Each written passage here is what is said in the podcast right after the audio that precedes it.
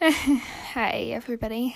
So, if you remember, I uh, remembered that I wasn't supposed to do any more mystery stuff for a few weeks last episode, and, um, so did my parents. Well, they remembered, they were just waiting for me to remember, which explains why they've been acting very weird for the past few days. But this time, I really can't do anything having to do with the mystery for a whole week. So, um, I guess the next week might be a little bit boring. uh, I had an idea, and I'm planning on checking with my parents to see if it's okay.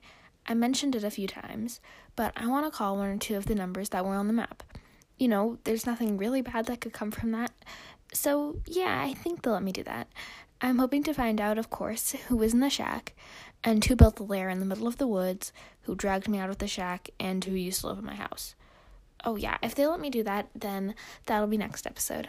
And if they don't, well, I'll figure something out.